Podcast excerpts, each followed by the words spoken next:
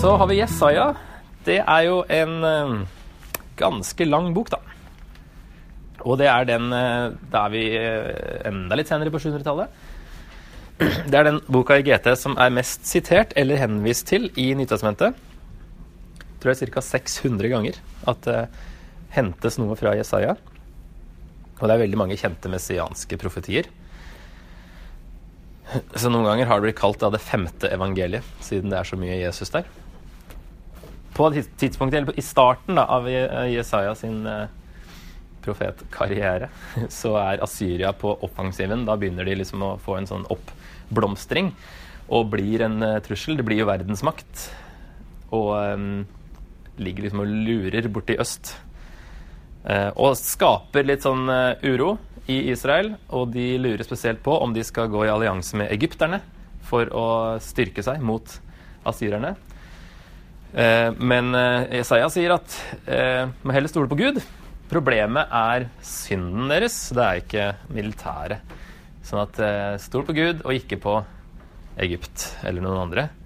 Eller Asyria, for så vidt.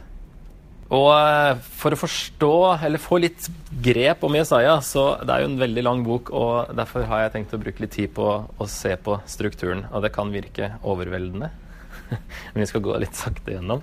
Men jeg tror det hjelper veldig for å forstå eh, Eller se hvordan, hvilke, hvilke, deler som inneholder hva, osv. Den er eh, henta egentlig fra The Bible Project sin. Jeg syns det var helt genial struktur de hadde funnet. Og det er jo selvfølgelig mulig å strukturere på andre måter. To hoveddeler, da. Og den første delen er kapittel 1-39. Der er det Kall det mest synd og dom. Det er jo noe gjenopprettelse, litt håp innimellom. Men det er mye mer i del to, som kommer fra vers, eh, kapittel 40 og utover. Og den har tre deler. Første tolv, som dere Dere skal ikke lese hele Jesaja, da, men dere skal lese i hvert fall den første delen her. Eh, der er det dom og håp for Jerusalem det eh, dreier seg om. Og spesielt ja, Juda. Og der er det et mønster fra spesielt kapittel 1 og 2 som gjentas flere ganger utover i eh, boka. Og det er den der gamle Jerusalem som går gjennom en dom som blir til en renselse, og så har du det nye Jerusalem på andre sida. Og det ja, gjentas flere ganger. Så det er nyttig å ha i bakhodet også når du leser um, Jesaja. Gud sier f.eks. da i 1.25 Jeg vil løfte hånden mot deg, rense slagget ditt med lut og skille ut alt bly. Så det er en sånn fysisk renselse som brukes da som et bilde. Og det er jo dommen som skal rense eh, Jerusalem spesielt. Og I kapittel 6 der er liksom Jesaja foran Guds trone og får kallet sitt. på en måte. Det er da sentrum i den der første biten. Der han eh, bl.a. får høre at Israel skal hogges ned som et tre. At det bare skal stå igjen en stubbe. Og at denne stubben skal kalles en hellig ett. Eh, og her blir også Jesaja rensa med denne kullbiten som eh, engelen kommer og legger på eh, munnen hans. Så det er også en renselse her også. Og så får vi litt mer svar på hvem denne stubben er i den siste biten i første delen her, kapittel 7-12. Der er det kong Ahas, som er altså Jesaja profeterer under mange konger. Han nevner det helt i starten. Ussia, Jotam, Ahas og Hiskia. Så her er det kong Ahas. Han var ikke noe god konge. Han, eh, hvis du, leser, hvis du husker fra kongebøkene, det gjør jeg kanskje ikke, men i andre kongebok 16 så står det om Ahas at da han var litt redd for asyrerne, så, så sendte han eh, Ja, da sendte han faktisk eh, penger og si, rikdommer til asyrerne. Og blidgjorde kongen, da. Og prøvde liksom å, å inngå en allianse med dem. Eh, og så sier Jesaja at eh, asyrerne skal faktisk komme og være en del av de som hogger ned treet. Israels tre, da. Og Jesaja konfronterer Ahas her med at han stoler mer på Asyria enn på Gud. Og når han spør da be om et tegn, du kan få hva som helst som et tegn, så sier kongen nei, jeg vil ikke sette Gud på prøve. Later som han er veldig from. Egentlig så stoler han mer på Asyria, som vi får fra kongebøkene. Vi ser det tydelig der. Derfor sier Jesaja at det skal komme et skal få et tegn uansett, og det er Immanuel-tegnet. Altså det skal komme en ny konge en gang. Som nevnes av kapittel 7, og også i 8, og så blir det klarere utover i 9, dette juleverset med um, en sønn er oss gitt, osv. Herreveldet lagt på hans skulder. Evig Veldig Gud, evig far. Det er også da sammenheng av denne Immanuel-profetien, som er da Messias, den nye kongen. Som vi vet fra Matteus, at han siterer dette. Og i kapittel 11 så står det at han da, da En kvist skal skyte opp fra Isais stubbe. Der har vi da Isai er jo faren til David, og det er jo hans ett som var den hellige ætten der Messias skulle komme fra. Så her har vi stubben er hogd ned. Skal det komme en kvist opp fra den stubben, og det er da Messias. Og Herrens ånd skal hvile over ham, står det videre. At han skal være virkelig en spesiell konge. Som da vil bringe det nye Jerusalem, egentlig, som har dette mønsteret. Det er ikke alltid det nevnes med ordet 'nye Jerusalem', men du får liksom litt følelsen av det. Så kommer det eh, en del om eh, nasjonene, altså de andre folkeslagene rundt, at de òg skal dømmes. Babylon og alle andre naboene. Og så at det også er håp for dem i de siste kapitlene der 24 til 27. Uh, og så er det den tredjedelen her. Det er uh, mer om den trusselen fra uh, Asyria.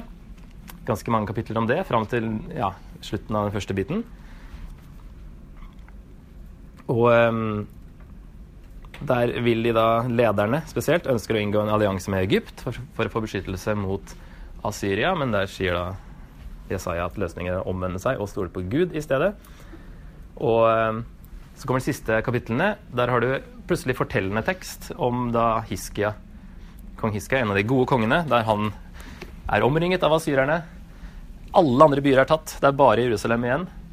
Eh, det egentlig har de ikke noe sjanse til å stå imot når stormakten kommer. Men så stoler de på, eller kongen spesielt, stoler på Gud og reddes, da. Eh, det skal egentlig reddes fra asyrerne. Altså det er Gud som redder dem fra asyrerne. Så blir det et eksempel på hvordan de burde gjøre det, egentlig. Disse lederne. Så er det del to, som der det er på en måte mer gjenopprettelse. Hvis du kan dele inn hele Jesaja òg i en sånn synd om første biten, og så gjenopprettelse i andre biten. Selv om det er litt dom innimellom her òg, så er det overvekt av gjenopprettelsen. Og der har vi plutselig da um, Altså I begynnelsen, når Jesaja får kallet sitt, så, så, spør han hvor lenge skal han være profet? I 6.11. Eh, da sa jeg, hvor lenge, Herre? Han sa, til byene ligger øde og folketomme, og det ikke er mennesker i husene, og landet ligger som en ødemark. Og Herren skal sende menneskene langt bort, øde og forlatt skal landet bli. Er ennå en tiendedel tilbake, skal altså den brennes opp som når en eik eller terebinte blir felt, og bare en stubbe står igjen. Denne stubben er en hellig ett. Men han sier altså skal profetere egentlig fram til menneskene sendes i eksil. Og det eksilet skjer mellom de to delene her. For nå er Nå virker det som at Isaiah er jo død for lenge siden. Så det er jo 200 år senere at profetiene hans skulle ha et budskap også for de som er i Babylon. Og her blir det da en oppmuntring til dem om at nå er eksilet snart slutt. Det er det store håpet eh, annonseres da i kapittel 40 til 48. Om at de kan, eh, ja, eksilet skal ta slutt snart. Synden er gjort opp, og de kan snart dra hjem. Og at Gud da vil bringe sitt rike, spesielt i kapittel 40. Og så har vi eh, kapittel 41 til 47. Der er det veldig sånn Gud mot gudebildene. Gudebildene er tomme og stumme og kan ikke forutsi framtida.